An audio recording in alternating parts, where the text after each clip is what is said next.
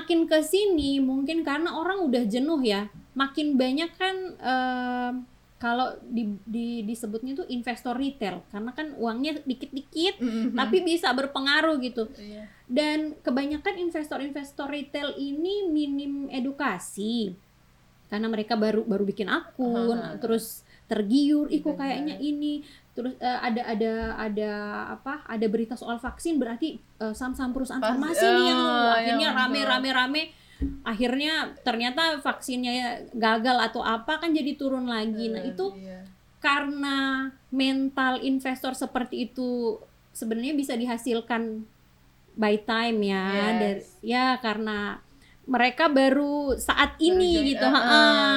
baru terus harus iya akhirnya kayak cinta. gitu akhirnya karena mungkin kecewa Oke. kemungkinan ya Ah. kecewa dengan kondisi pasar yang fluktuatif padahal memang pasar modal itu fluktuatif em, mulai banyak yang beralih ke Bitcoin, ke Yes. forex. Kalau di Gorontalo yang marak sih forex sih. Assalamualaikum warahmatullahi wabarakatuh. Apa kabar sahabat Kriting? Semoga semuanya sehat walafiat ya. Uh, selamat Hari Pasar Modal Indonesia. Ini mungkin jarang dibicarakan, tapi sebenarnya menjadi PR besar ya buat kita semua untuk paham dulu um, apa sih pasar modal itu, apa investasi, dan saya ini punya narasumber hebat ahli di bidangnya. Beliau juga dosen dan memang uh, apa nih yang yang punyanya uh, yang punya pasar modal di Gorontalo. Dan- Oh, bukan eh, gimana nih? Kepala Galeri Investasi Bursa Efek Indonesia Universitas Muhammadiyah Gorontalo. Oke, jadi ini kepalanya langsung dengan Kak Uci ya. Saya Iya. sampaikan Kak Uci aja nggak apa-apa. Iya. Atau Bu, Bu dosen nih. Dosen boleh juga. Oke ya, nih Kak apa kabar Kak? Alhamdulillah baik. Sehat ya? Sehat alhamdulillah. Udah pulang dua bulan eh, dari dua bulan di Medan ya? Iya. Ini berarti udah selesai masa karantina? Udah karantina, sudah sebulanan di sini. Oh iya, alhamdulillah sehat ya. Ya. Kak, jadi kan ini dalam rangka Hari Pasar Modal Indonesia. Di sini pengen pengen apa ya mengeducate sahabat keriting nih. Pasti saya saya yakin bahwa kan memang eh, penontonnya keriting ini di usia 24 sampai 35, usia Oh, yang iya. benar-benar produktif Iya. untuk investasi gitu kan Kak ya. Nah, mau tanya dulu apa sih investasi itu Kak? Apakah dia sama dengan pasar modal atau beda? Eh investasi intinya adalah kita menabung untuk nanti eh, ada income yang lebih dari itu gitu. Kalau nab- Mhm. tabung na- namanya cuman di tabungan misalnya. Cuma get eh, bunga gitu. Ah, ah, dan itu pun eh, bunganya tidak seperti yang kita harapkan. Sometimes kan kita 0,0000. Nah, ah, kalau 100 ribu kita taruh di mana di Bank. ah, ah, di bank konvensional tabungan biasa paling habis 25 ribu buat biaya administrasi. Benar. Nah, ah, nggak ad- terus kalau 100 ribu pun bunganya berapa sih kan? Betul. Dikit banget, nggak berasa lah. Nggak sampai Tapi- seribu itu. Ah, ah, tapi kalau tujuannya investasi eh, intinya adalah nabung hari ini buat nanti. Oke. Nah, nanti itu ada banyak banyak termnya. Ada yang tiga bulan udah dibilang udah ini Bisa, udah cukup, uh, ada yang enam bulan. Tergantung ya preferensi masing-masing orang juga. Nah, tergantung Dia apa mau yang eh, investasi sebagai buat investor apa? pilih di Ah, awal Kak ya. Ya. Oke, ini, ini apa saja yang termasuk investasi. dalam pasar modal itu Kak? Eh, di pasar modal itu pastinya ada investor. Mhm. Ya, investor itu kita yang menanamkan modal. Mm-mm. Kemudian ada yang namanya emiten, perusahaan yang menjual eh, kepemilikan sahamnya. Kemudian ada Bursa Efek Indonesia, OJK itu sebagai regulator. Kemudian ada juga eh, yang namanya perusahaan sekuritas. Perusahaan Hmm. sekuritas itu kayak perantara kita untuk eh, bertransaksi di Bursa Efek Indonesia. Oke, nah tadi di awal udah ngobrol-ngobrol sama kakak nih bahwa Iya. sebenarnya kalau untuk buat akun itu dari pihak sekuritas tadi kan Iya, gitu. Nah, bagaimana dengan eh, sekarang misalnya masyarakat umum atau eh, siapa saja gitu yang pengen eh, berinvestasi? Gimana caranya kak? Eh, kalau di Gorontalo karena tidak ada perusahaan sekuritas yang di Mhm. Gorontalo, kalau di Manado ada, kalau di Oke. Gorontalo belum ada. Jadi bisa buka akunnya itu dengan datang ke Galeri Investasi Bursa Efek Indonesia yang ada di kampus-kampus. Kalau di Gorontalo Setiap itu kampus ada kak?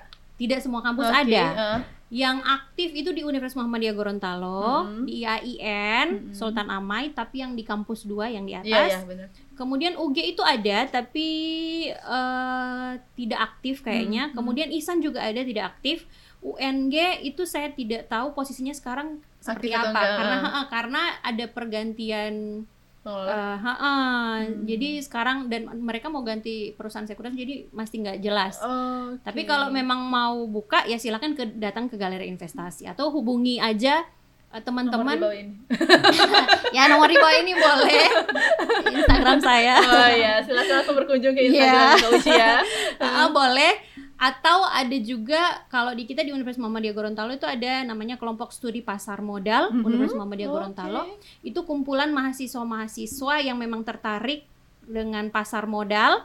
Rata-rata yang sudah eh, apa? Sudah pernah kuliah mengambil mata kuliah pasar, Pasar modal, modal, ha. Terus mereka bergabung di situ dan biasanya mereka lebih banyak mengedukasi ju- menge- mengedukasi Edukasi. juga. Tapi Biasanya untuk kalau mahasiswa doang tuh kak? eh, masyarakat umum boleh Boleh gitu. Ah, waktu waktu umum. bukanya, waktu jam buka kantor galeri investasinya? mengikuti jam buka ke kampus Oke. gitu. Jadi Tapi kar- karena sekarang udah bisa online jadi bisa by kapan WhatsApp. saja. Maaf. Nah untuk belajar tuh eh, bayar nggak kak atau gratis nih? Biasa kan itu langsung jadi pertanyaan utama nanti di komentar. kalau belajar kalau dari kita di galeri karena memang misinya adalah sosialisasi dan edukasi itu gratis, tidak Oke. dipungut biaya. Kita bahkan sebelum pandemi ya, sebelum pandemi kita biasanya tuh eh, sebulan sekali itu paling sudah paling ini sekali dang. Iya. Kalau eh, sebulan sekali itu kita ketemu, Mhm. kalau ada investor baru ya kita ajari dasar-dasarnya. Mm-mm. Kadang kita kalau memangnya lagi intens-intens bang intens banget, biasanya tuh seminggu sekali tiap hari Jumat malam Hmm. setelah tutup eh, bursa. Tutup bu- bursa itu kan bukannya Senin sampai Jumat. Eh, Jumat malam itu kita review. Jadi Oke, seminggu ini jadi, eh, jual beli apa aja, minggu depan mau beli apa, mau jual apa Oke. gitu. Nah kak ngomong soal pasar modal nih, what are the benefits of pasar modal itself? Eh, pastinya returnnya ya, Oke. karena memang pasar tunggu, sahabat, modal sahabat kita makannya return apaan ya? eh, keuntungan, Oke, ya, labanya, laba. Eh, pengembalian ya, pengembalian investasi itu Hmm. return itu cukup tinggi.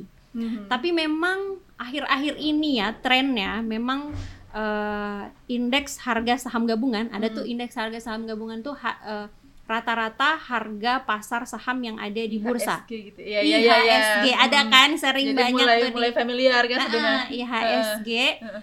itu eh, menurun, Oke. menurun. Hmm. Berdasarkan beberapa literatur yang saya pernah baca, Heeh. itu dikarenakan beberapa investor, investor-investor retail terutama, Mhm. eh, mereka lari ke cryptocurrency, ke Oke, forex, iya. yang sekarang lagi marak-marak Eh, di eh, Gorontalo, larinya ke situ. Padahal waktu pandemi, Iya. eh, jumlah orang yang meng-create SID, SID itu single identification Iya. eh, single investor identification itu itu kayak nomor induk KTP untuk para investor. Oke, ya, Gitu. kayak nomor akun gitu gak? Bukan? Nomor Iya, iya. eh, bukan Bukan- nomor bukan. akun, dia dia kayak nomor induk KTP-nya investor gitu. Jadi Oh, kalau jadi, jadi investor tuh punya punya punya kartu eh, gitu. ah, Oh, punya eh, punya. SID, nomor SID itu nanti kamu kalau misalnya mau buka reksadana pakai SID itu. Oh. Terus membuka eh, akun saham di perusahaan sekuritas A, B, C, SID-nya satu. Gitu kayak NIK. Kita mau misalnya satu KTP mau buka akun di di bank B- Hmm. A B C D punya NIK-nya Hmm, cuma satu iya, itu. iya, nah iya, itu iya. di ini SID Oh. itu SID kalau di di ini di pasar modal. Nah, itu SID yang berhasil di-create selama tahun 2020 itu adalah eh, yang paling besar selama sejarah. Really? Ah, Justru di masa pandemi justru Di masa pandemi justru Oh. mungkin karena ya memang eh, tuntutan untuk di rumah aja jadi kan banyak yang main. ah, ah, kalau Iya. biasa-biasa kayak gini kan di Sibuk. kantor mm-mm, sibuk masing-masing terus kerjaan juga banyak atasan juga mengawasi kan Yes. ini kan di rumah jadi mereka tetap eh, punya banyak waktu untuk menganalisa sendiri Iya. saham-sahamnya Oh. makanya banyak untuk eh, selama tahun 2020 itu SID terbesar itu eh, berhasil terbentuk di tahun 2020 gitu jadi dan itu dari kalangan milenial Wow. Mm-mm. Jadi milenial keren itu yang udah punya SID. iya betul sekali Oke, jadi yang belum Yang punya saya ini belum keren Eh, ya. belum keren belum Nah, keren. Kak, tadi kan Kak sempat bilang nih bahwa sebenarnya uh, tadi salah satu manfaatnya itu bisa cepat uh, pengembalian labanya dan sebagainya itu kan. Kak. Nah, kalau seandainya saya ngambil nih uh, uh, yang tiga bulan, Mm-mm. terus kalau seandainya mau dijual atau dicairkan itu langsung otomatis masuk ke rekening gitu, kayak gimana sih Kak sistemnya? Eh, Oke, jadi gini, kalau mau create awal akun saham, memang ini kayak kalian tuh nggak pernah ada sama sekali Info tentang ini Ah, benar-benar ah, zero nih, nah, benar-benar. benar-benar ah. zero. Kan pertama datang misalnya datang ke galeri dulu, Hmm. terus di galeri itu kalian yang pertama diminta pasti eh, KTP, Hmm. KTP, terus buku rekening. Kalau yang bisa buka online itu BCA. Oke. Yang support online memang cuma BCA. Abis itu NPWP kalau ada, Hmm. karena kalau nggak ada NPWP nanti pajak untuk dividennya lebih Iya. besar, Oh, iya, harus ada NPWP. lebih tinggi. Ah, persentasenya lebih tinggi, itulah keuntungan ada NPWP ya. Iklan dulu. Terus udah itu tiga aja, Oh. tiga aja, iya itu tiga aja. Semudah itu? itu, Ha, ha. Dan Sama- berapa duit yang harus dibawa untuk awal itu Kak? Hmm, minimal seratus ribu, tidak perlu dibawa. Oh, karena Nggak itu perlu yang dibawa ada di ini karena tadi ya. ha, benar. karena kita cuman kalau bahkan BCA. kalau kita kerjasama galeri kita kan kerjasama dengan MNC Sekuritas, Mm-mm. tinggal download aplikasinya, terus ikuti langkah-langkahnya yang nanti eh, mudah lah. Itu kayak kayak daftar apa ya eh, akun baru di aplikasi baru gitu. Semudah itu. Tinggal diisi aja. Kebanyakan sih itu ada kayak preference keuangan kalian range apa income kalian per bulan Hmm. terus Pertanyaan-pertanyaan per- pribadi soal keuangan gitu Iya, ya. soal keuangan kayak kita mau buka akun di bank, kayak kita Hmm. mau buka tabungan di bank, Iya, seperti iya, seperti iya. itu. Terus sampai ke saham ini nanti akan diwariskan ke siapa, Oke, ahli waris iya. atau ya begitu begitulah karena memang saham bisa diwariskan. Heeh. Setelah itu tinggal tunggu proses, nanti akan dibuka dua Heeh. akun di perusahaan sekuritas sama rekening saham namanya rekening dana nasabah RDN. Rekening saham ini di BCA Mm-mm. karena kan dia harus connect BCA to BCA, BCA to BCA ya kalau di MNC Sekuritas. Jadi eh, rekening sahamnya atas nama kita sendiri, terus akun sahamnya itu nama kita sendiri. Oke, jadi memang benar-benar eh, ini ya memang harus sesuai dengan identitas kita gitu ya, Iya, nggak bisa ada orang lain gitu. Ya, Nah, kecuali selain dari warisan apa Mm-mm. yang apa calon yang akan ahli waris gitu mm-mm, kayak. itu pun kalau kita kenapa-kenapa Iya, ya. Kalau selama selagi kita masih- masih mm-mm. uh-uh, masih bisa lah. Nah, Oke. udah kan itu semua by email udah online semua.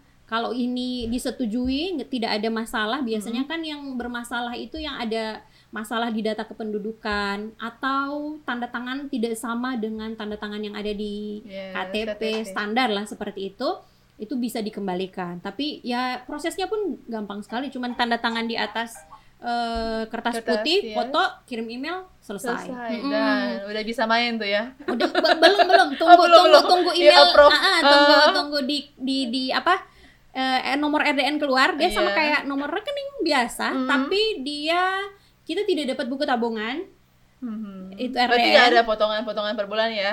eh Atau? nggak ada potongan per bulan setahu saya sih nggak ada Iya. potongan ya karena memang uangnya utuh di situ Iya gitu benar. Eh, itu uang di situ nanti muncul di eh, online tradingnya kita di Hmm. aplikasi online trading Eh, mutasinya itu di, di email Oh di email di, ah, masing-masing. di email masing-masing di email sama boleh si lupa password. Mm-mm, tidak boleh itu haram hukumnya lupa Ah, password Dan aku yakin orang-orang yang mau main investasi mah pasti tetap iya. iya betul itunya. Nah, RDN udah ada, SID udah ada, eh, tinggal yang 100 ribunya Hmm. kalian transfer ke RDN Hmm. ini. Itu jadi saldo awal kalian. Hmm. Setelah itu eh, dikiri di email lagi eh, username, password sama pin trading. Oke. Udah, Nah, habis Kak, itu udah ini bisa. ngomongin soal 100 ribu kan ya. Mm-mm. 100 ribu bisa buat beli investasi apa sih? Maksudnya, oke, oke lah kita nggak usah nyebutin produk di sini ya. Cuma maksudnya eh, berapa lembar yang bisa aku miliki dengan 100 ribu gitu. Sedangkan kalau kita bawa ke pasar aja kayak buat beli barito kayaknya nggak cukup kalau Nggak beli cukup ya. Iya gitu. Gimana kak? Eh, oke, sambil saya nyontek-nyontek harga iya saham iya. dulu iya. ya. Ah. eh ya 100.000 ribu itu memungkinkan kalian bisa aja bi- beli satu lot ya Satu lot sekarang berapa lembar ya kak? 100 100 lembar Oke. jadi harganya cukup itu kak? Seriusan? cukup cukup Oke. untuk perusahaan yang bagus pun kita masih bisa beli Ada perusahaan-perusahaan yang istilahnya tuh second liner atau third liner. Hmm. Pokoknya mereka nggak di atas atas Iya, banget iya, tapi cukup di bawah- bagus iya. lah. Maksudnya kita produknya setiap hari kita kita apa kita lihat ada gitu di pasaran, ada di Indomaret, di Alfamart. Nyebut merek ya nggak boleh. Maksudnya di di di di apa di apa ya toko kelontong ada Iya. produknya perusahaan-perusahaan begitu ada dan bisa memungkinkan untuk dibeli di bawah 100.000 ribu bahkan Wow. dapat satu Heeh, lot iya. tapi ya namanya kalau investasi cuma satu lot kan nggak berasa kalau dia di misalnya nih kita bukan investor yang aktif jual beli, Beli, jual beli betul. gitu kita cuma kayak investor mau aduh, ngendapin aja gitu ah, ya udah aku beli ini ya dibiarin aja lah untuk apa untuk 10 tahun Nunggu-nunggu, lagi iya, atau misalnya. apa. Nah, itu kita masih bisa memungkinkan mendapatkan yang namanya dividen. Setiap tahun ada perusahaan yang membagi dua kali dividen, wow ya ada yang cuma sekali juga, ada juga yang nggak bagi. oh Tergantung labanya ngeliat- berapa dulu. ngeliatnya dari mana Oh ada. Oh, di oke. aplikasinya itu sudah Sudah bisa melihat uh-uh, Oh, atau ada aplikasi tambahan lain biasa para investor itu suka ada aplikasi tambahan Hmm. lain buat dia ngumpulin informasinya dari situ wow, wow, Dan wow. kalau mau investasi di bursa juga harus rajin-rajin ikut perkembangan ekonomi Iya, ya iya. jangan dibiarkan gitu 10 tahun jangan terus- dibiarkan terus- kan tiba-tiba kayak kemarin aduh ada kasus Heeh. apa BPJS lah ada kasus Asabri Iya. yang gitu-gitu kan tiba-tiba perusahaannya menghilang dari bursa kan kita kayak gitu kalau nggak ikut eh, Iya. apa infonya kan ketinggalan Dan nanti. apa yang terjadi ketika kemudian misalnya perusahaannya menghilang atau pas pe- perusahaan itu bangkrut berarti kita lenyap dong selesai. Uang yang tadi malah nggak jadi investasi tapi malah jadi Iya. apa ya wassalam. Ah, karena memang eh, di undang-undang Oh ya kalau ada perusahaan yang pilot Hmm. yang wajib untuk diselesaikan terlebih dahulu adalah yang hutangnya, bagian hutangnya, hutang. Kita posisinya di perusahaan itu bukan ngutangin ya. Bukan, iya. Kita memberikan secara sukarela dana kita untuk kita kita percaya nih di perusahaan kamu. Mm-mm. Uang kita bisa kamu putar Mm-mm. Nah, Iya. bisa kamu putar, tidak perlu kamu kembalikan. Yang penting kamu setiap tahun mencetak laba, labanya dibagi ke kita. Itu, Itu prinsipnya, konsep dasar ya, konsepnya oke. saham itu. Iya, iya. Tapi kalau hutang, aku kasih uang, kamu harus balikin. Bayar, iya. Jadi ketika perusahaan ini bangkrut, yang wajib untuk didahulukan adalah membayar hutangnya dulu. Hmm. Kalau uang yang ada eh misalnya ada dia punya aset, Hmm. asetnya harus dilikuidasi, harus dijual, Iya. harus dijual, kemudian digunakan untuk membayar hutang-hutangnya. Iya. Iya kalau menutupi. Kalau Eh, enggak ah, ah, kalau enggak eh, itu urusan Iya, urusan iya, mereka iya, ya, iya, urusan iya. perusahaan. Cuman yang selama ini terjadi pada prakteknya seluruh likuidasi aset itu habis untuk menutupi hutang sehingga yang namanya saham orang yang punya saham di situ ya gigit jari. Oh, Jadi ya harus menghindari juga perusahaan-perusahaan seperti itu, berinvestasi di perusahaan seperti itu. Oke, pokoknya intinya belajar terus, jangan Ya. cuma habis di awal doang semangatnya, kemudian stuck and then wassalam gitu, nggak ada Nah, juga yang bisa apa ya? Eh, intinya ini aja sih perusahaannya yang penting kita kenal aja. Hmm. Jangan perusahaan yang uh menurut ini ini bagus menurut eh, yang memang udah kita tahu sepak terjangnya seperti Oke. apa. Nah kak, ada nggak eh, apa ya lembaga pelindung aset eh, ini investor gitu atau kayak gimana? Eh, ada. Bentar, saya lupa namanya itu apa ya? Tapi yang penting ada gitu kak ada ya ada minimal. ada. iya. Eh, apa ya? Nanti aja deh saya tulis di sini Iya, ya. di deskripsi komentar. itu jadi siap, dia siap. eh, untuk kalau nggak salah ya dana yang bisa dikembalikan itu 100 juta maksimal 100 juta. Maksimal, Ha-ha. oh. Jadi kalau ada yang lebih di atas itu kayak lembaga penjamin simpanan kalau di bank Iya, itu dia iya. LPS.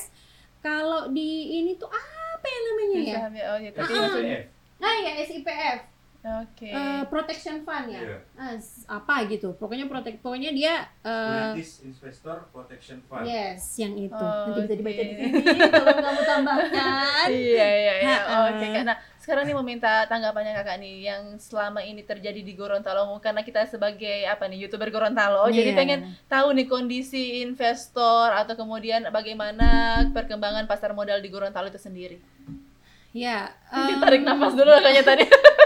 Karena sebenarnya kalau di Gorontalo 2020 kemarin Hmm. ya, karena memang saya mengikuti, karena memang saya orang galeri, jadi saya cukup mengikuti eh, tren yang memang benar itu tren nasional itu eh, adalah cerminan dari tren-tren di daerah. Heeh. Di mana yang mengatakan bahwa 2020 kemarin telah berhasil eh, di-create eh, SID terbanyak sepanjang sejarah. Dan itu banyaknya dari milenial. Dan itu memang benar. Penambahan jumlah investor galeri itu cukup besar juga. Ya karena da- eh, itu dia orang-orang pada di rumah, orang-orang kerja maupun yang mahasiswa itu mereka kan kerja dari rumah, kuliah dari rumah, jadi ya aktivitasnya di rumah. Nah, eh, kalau kita di galeri bukan hanya menerima investor yang mahasiswa, tapi yang apa pekerja juga boleh, masyarakat biasa juga boleh, petani pun boleh. Yang penting dia punya KTP dan punya eh, rekening BCA, boleh dia bikin akun. Tapi itu 2020. Karena di 2020 itu perekonomian kan gonjang-ganjing Iya. ya kan. Aduh macam-macam lah yang terjadi. Sehingga waktu itu harga saham waktu Maret itu turun banget drastis sampai bursa sama OJK itu harus mengatur ulang sistem perdagangan. Iya. Mereka ada menga- apa melakukan perubahan peraturan Iya. kayak eh, auto rejectnya yang itu batas atas batas bawahnya Iya, itu iya, di- iya. diatur lagi. ah, ah, biar nggak biar ah, aman semuanya kita ah, stabil lagi gitu. ah, at- batas bawah tuh di, di diperkecil Hmm. biar kalau turun tuh nggak turun-turun Benar. banget dan batas atas diper, di di, di, Dibikin lagi. ah, ah, tetap kayak kemarin. Gitu. Kalau kemarin naiknya sama, turunnya sama. Misalnya naik naiknya 10, turunnya 10. Kalau ini, enggak, ah, Oh. naik naiknya di, di, di Di- tetap kayak oh, kemarin, iya, cuma ininya turunnya tadi yang di ya, ah, cuman 7 min, minus 7% setiap hari diperbolehkan. Nah, makin ke sini mungkin karena orang udah jenuh ya. Makin banyak kan eh, kalau di, di disebutnya tuh investor retail karena kan uangnya dikit-dikit Mhm. tapi bisa berpengaruh gitu. Iya. Dan kebanyakan investor-investor retail ini minim edukasi. Karena mereka baru baru bikin akun, Aha. terus tergiur, ih kok kayaknya ini. Terus eh, ada ada ada apa? Ada berita soal vaksin berarti eh, saham-saham perusahaan Pas- farmasi nih yang oh, akhirnya yang akhirnya ternyata vaksinnya gagal atau apa kan jadi turun lagi. Nah, Eh, itu iya. karena mental investor seperti itu sebenarnya bisa dihasilkan by time ya Yes. dari ya karena mereka baru saat Baru ini join, gitu ah, ha-ha. ah.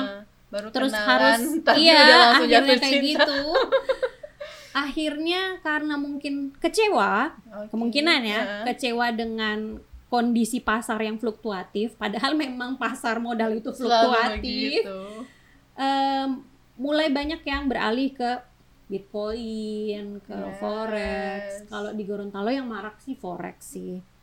dan eh se aku nggak bilang seberapa bahaya sih cuma maksudnya eh gimana kayak membahasakannya itu ketika- Resiko. iya benar Ya. ya benar resikonya itu seperti apa kak biar mereka tahu Ya, beberapa orang yang meng- mengkontak saya menanyakan ini bagaimana, ini bagaimana, itu saya mencoba menjelaskan. Kalau memang eh, kita menitipkan dana pada seseorang yang kita percaya bahwa dia sudah punya return yang besar karena melakukan ini atau investasi di sini di sini, saya tidak menyarankan hal tersebut. Hmm. Tapi kalau misalnya di uh, create akun atas nama kita, mungkin boleh. Hmm. Tapi ya tetap harus belajar. Di mana-mana tetap harus dipelajari karena ini kan Betul. uangnya uang real ya kan. Terus Iya. kita tidak tahu eh memang ya ada eh, ini kalau forex atau kripto itu tidak di bawah oleh Bursa Efek Indonesia, Hmm. tidak dibawahi langsung oleh Bursa Efek Indonesia dan tidak diatur oleh Bursa Efek Indonesia. Jadi dia free gitu loh. Terserah. Dan itu Siapa pun, ya, ah, ah, yang itu benar. dan itu yang di Indonesia ada namanya Bapepti. Bapepti. Eh, badan apa ya? Pokoknya dia Hmm. semacam eh, semacam bursa tapi dia khusus untuk eh forex sama apa ya? eh apa sih? Komoditas. Komoditas kayak jual beli nikel. itu Ah, iya, memang iya, benar-benar ininya emas, Iya, memang iya. benar-benar wujudnya Ber- wujud, itu iya, iya, iya. berwujud. Nah itu tuh yang menurut saya karena saya saya nggak bisa komentar sih karena belum pernah terjun langsung Terjun ke situ. situ. Cuman beberapa teman saya yang dari forex terus pindah ke apa ke saham ke pasar modal, mereka bilang kalau di forex itu memungkinkan eh, kita kan analisanya ekonomi satu negara karena kan mata uang kan Iya, iya, mata benar, uang benar. Indonesia misalnya dolar ya dolar Yes. yang dijual di Indonesia berarti bagaimana eh, mata uang Indonesia terhadap dolar naik atau turun, ha-ha. benar. jadi yang kita pelajari adalah perekonomian satu negara kalau di saham yang kita pelajari cuma satu perusahaan Oh, Nah, cuma satu perusahaan yang, itu, yang akan kita beli itu ya kayak ya oke. kalau kinerjanya baik berarti harga sahamnya nanti akan baik Iya. kayak gitu juga perekonomian misalnya perekonomian Indonesia membaik berarti rupiah dolar- terhadap dolar iya, menguat kayak iya. kayak gitulah nah Oh, itu bedanya oke. terus kalau di saham kita beli nih satu lot misalnya jadi kita udah punya kepemilikan atas perusahaan ini satu lot Hmm. mau sampai kapan pun perus eh, kepemilikan kita selama kita nggak jual tetap satu lot kecuali kalau misalnya dia ada bagi eh, saham nah apa dividen saham baru sahamnya kita Oh, iya. bertambah Iya, iya, iya. Kalau nggak ada yang ker- kayak kayak gitu namanya aksi korporasi yang kayak kayak gitu nggak nggak akan bertambah. Tetap mau dia naik mau dia turun tetap satu lot. Tapi kalau forex kalau dia apa ya kalau mata uang kita melemah terhadap mata uang yang Negara lain ya. uang kita itu akan tergerus.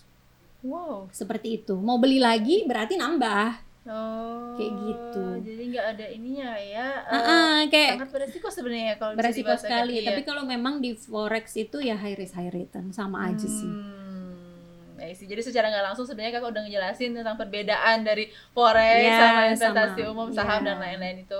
Nah tadi kan kak bilang soal satu lot itu nggak akan berubah sampai kapan begitu. Mm-mm. Nah eh, apakah setiap perusahaan itu sama mengeluarkan misalnya eh, harus mengeluarkan eh, seribu lot gitu atau beda-beda tiap perusahaan itu seperti apa?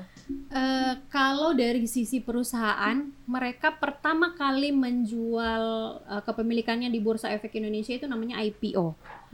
Eh, go public lah istilahnya. Dulu Bet- yang misalnya ini perusahaan cuma milik saya pribadi Iya. karena saya butuh dana tapi saya tidak mau mengembalikan, Mm-mm. nggak mau dalam bentuk hutang. Mm-mm. Saya mau share kepemilikan aja. 20% dari saham saya Iya. itu saya lepas ke publik. Itu namanya IPO. Nah, yang 20% ini yang boleh diperjualbelikan di pasar. Oke, berarti Gitu. nggak lebih dari 20% itu kayak Eh, tergantung lagi kalau memang dia lagi butuh dana Oh, mele- ah, ah, iya, iya, bisa iya. nambah bisa Oh, nambah jadi gitu. Sampai nanti tiba-tiba konsekuensinya eh, dia bisa jual eh, lebih dari 50% maka Ya. jadi milik umum jadi gitu kayak ya Oh, dan dia juga I bisa see. menarik lagi menarik lagi ketika dia punya di uang masyarakat kemudian ah, dia ah. mau beli lagi Nah, oh. misalnya gini udah udah 60% nih 40 yang beredar Hmm. aku mau dong eh, 10 persennya ditarik mumpung jadi- kita punya uang nih mumpung Hmm. kita punya ada yang namanya laba ditahan atau punya laba lebih mau kita belikan Hmm. mau kita tarik Iya. biar eh, apa pengendali apa ya saham pengendali itu tetap masih Di dipegang oleh iya. perusahaan itu gitu tapi kok seandainya si investor nggak mau jual yang 10% lagi gimana nggak eh itu kan pilihannya ha, ha, pilihan Oh. masing-masing karena ini adalah akun kita iya ya eh, bebas Kita kita, mau jual atau sendiri, enggak ah, ah. gitu ya Aqua ya kasusnya perusahaan Aqua Mm. Danon, PT Yes. Danon itu pernah publish, Mm-mm. pernah go public. Tapi karena tapi dikit banget dan sahamnya tidak tidak liquid. Tidak liquid itu dalam arti tidak ada yang mau jual banyak apa ya? Tidak ada yang mau jual karena memang pengen karena kan orang semua minum Aqua, Yes, terus yes. labanya jelas Mm. sama sama apa sama pemilik perusahaannya mer- mereka mau menarik lagi nih Iya, menarik iya, lagi yang sudah mereka beredar. ah, beredar karena kan aduh eh, eman-eman gitu iya. yang udah beredar sekian terus eh, misalnya cuma 10% yang beredar terus tidak liquid tidak terlalu banyak me- apa memberikan sumbangsih yang berarti juga toh ini Iya. juga perusahaan berjalan dengan baik-baik aja tanpa Betul. tanpa investasinya mereka kan akhirnya mereka memutuskan untuk menarik kembali kepemilikan pabrik Hmm. Ah, membeli kembali ke kepemilikan pabrik waktu itu kalau nggak salah ada dua tahun sampai lima tahun untuk menyelesaikan masalah itu Ah, ah, karena si Wow. yang eh, publik yang sudah terlanjur punya Nggak tidak mau melepaskan. Ah, akhirnya kan nego, nego, nego sampai terus harga tinggi sampai harga tinggi. Waktu itu teman-teman saya bahkan sempat bilang tuh yang punya istilahnya yang punya saham Aqua waktu itu tuh sampai kayak ketiban duren. wow Mm, karena diha- dihargai kalau nggak salah tuh pokoknya beratus-ratus kali lipat dari harga yang awal dia beli. Gitu. berarti udah Ah, ah, itu tapi catatannya kalau perusahaannya bagus ya. iya iya iya kalau perusahaannya bagus. karena juga mungkin banyak ya yang yang nggak Iya. terlalu bagus nggak terlalu Ah, kemen- Itu itu ciri-cirinya juga. Kalau perusahaan semakin banyak Melepas. semakin banyak kepemilikannya oleh publik berarti ada apa-apanya. Ah, Intinya oke. gini, kalau barang bagus kita kan nggak mau kita berbagi sama orang lain ya kan? Kalau barang bagus kalau barang kurang bagus ya berbagilah. Nah, iya kan? Itu kan manusiawi. Tapi memang iya. Kalau yang paling jitu Ah, nih benar. Tinggal ngelihat aja oh misalnya mau beli apa perusahaan A. Lihatlah eh, kepemilikan publik itu berapa di situ Iya. kalau cukup besar kalau misalnya 20% oh berarti bagus nih perusahaan Iya. itu salah satu ciri-cirinya Iya, karena iya. si pemilik nggak mau melepas banyak-banyak di Betul, publik bahaya juga buat Iya. perusahaan mereka. Oke, jadi tanpa saya tanyakan tipsnya, Kak Uci udah berbagi. udah get it gitu ya. Jadi poinnya adalah sebenarnya kita kita bisa lihat dari presentasi yang keluar ke publik berapa, Iya. kemudian ya pokoknya sebenarnya ini gambling juga lah ya. Maksudnya Iya. bicara soal saham, kita gambling, kita eh, seperti yang tadi bahwa memang high ketika labanya high, tapi hati-hati juga berarti high risk juga dan Iya. sebagainya. Nah, Kak dalam rangka Hari Pasar Modal Indonesia ini Kak mau bilang apa sih atau harapan Kak ke depan pasar modal seperti apa sebagai praktisi, pegiat, pelaku niat gimana Kak? Silahkan. Eh, saya sih berdoa mudah-mudahan eh, IHSG bisa kembali pada masa-masa kejayaannya Tahun Karena berapa memang- tuh? Tahun berapa ya? Yang paling Ya, jaya. eh, saya saya tidak ingat tahunnya. Yang pasti saya ingat angkanya. Pokoknya dia angka tujuh ribuan. Kalau sekarang kan kalau nggak salah tuh empat ribuan kan. Jauh. Apakah ini dampak pandemi? Itu dampak pandemi. Eh, bisa dibilang begitu karena Berarti kan tadi tingginya milenial yang join eh, jadi investor tuh nggak nggak ngaruh. Nah, ah, bukan bukan tidak tidak eh, tidak ngaruh. Memang ada sempat recovery dari Maret itu yang turun banget. Maret tahun lalu ya. Maret tahun Ya, ya, lalu. 2020. Kemudian recovery lagi mulai naik, mulai naik pelan-pelan sampai awal tahun kemarin. Awal tahun kemarin masih oke. Kemudian sekarang tuh agak eh, trennya Turun agak turun. Oh, Ha-ha. iya. Se- beberapa artikel itu yang saya baca ya itu dibilangnya eh, karena jenuh ya jenuh pasar kayak gitu. Terus eh, ada tawaran investasi yang lain kayak cryptocurrency yang menawarkan lebih cepat untuk pengembaliannya dan lebih besar untungnya juga. Eh, itu dana-dana yang ada berputar di pasar modal Indonesia itu dipindahkan. Dan itu eh, pasar modal kita itu masih banyak digerakkan oleh investor asing. Itu investor asing itu memang tidak banyak tapi dananya besar berputar di benar. Indonesia.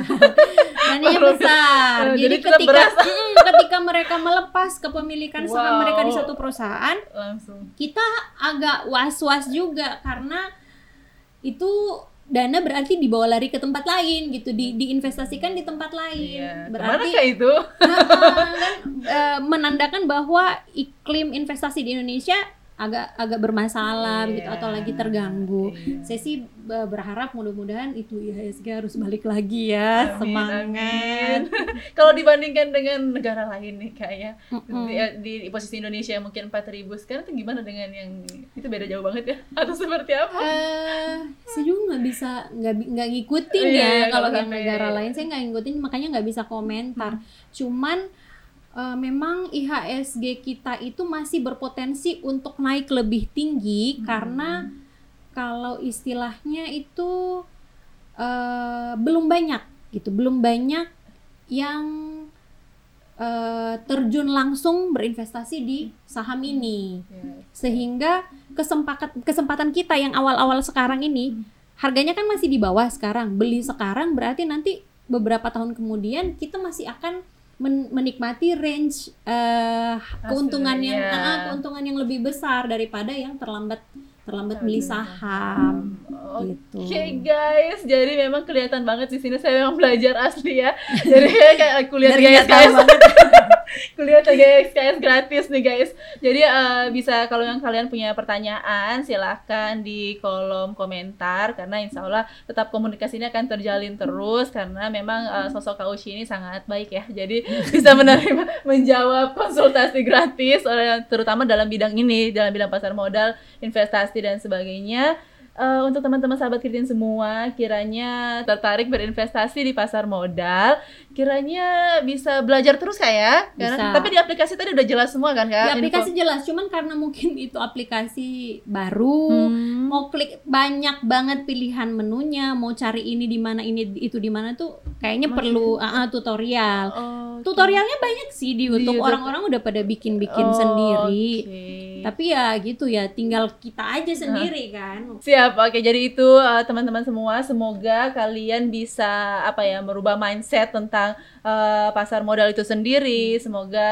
pasar modal ke depan semakin baik seperti apa yang diharapkan sama Kak Uci. Intinya bagaimana perekonomian ini terus-terus membaik kayak Iya, cepat benar. pulih dan kemudian dan milenial nih penggerak utama juga. Jadi Betul. jangan so tua, so terlambat Kak Uci bilang. Ya, Jadi sebenarnya yang saham so dibeli dari dulu itu dibeli murah, kemudian Iya. nanti ketika orang join mungkin lima tahun lagi, 10 tahun lagi orang baru mau beli itu saham, padahal tuh saham itu ternyata Misalnya semahal. segitu. Bener ya. Jadi yang punya uang anak muda sekarang daripada buat nikah mahal banget ya, 70 sampai 100 juta. Mending di dimodalin dulu nggak ya? modalin dulu eh tapi udah udah udah rame loh ya, kalau eh, mahar nikahnya itu dalam bentuk saham Wah, mau dong. Eh, nggak betul. Oke, jadi sampai jumpa di edisi perekonomian lainnya. Siapa tahu kak ya bisa sharing soal akuntan atau lainnya. Boleh. Makasih banyak nih Bu dosen atas kesempatannya Sama-sama. berkenan hadir di studio kami. Semoga sehat selalu dan terus Amin. mengedukasi terutama tentang perekonomian. Oke. Always think creative with Kriting. Thank you so much. Bye bye.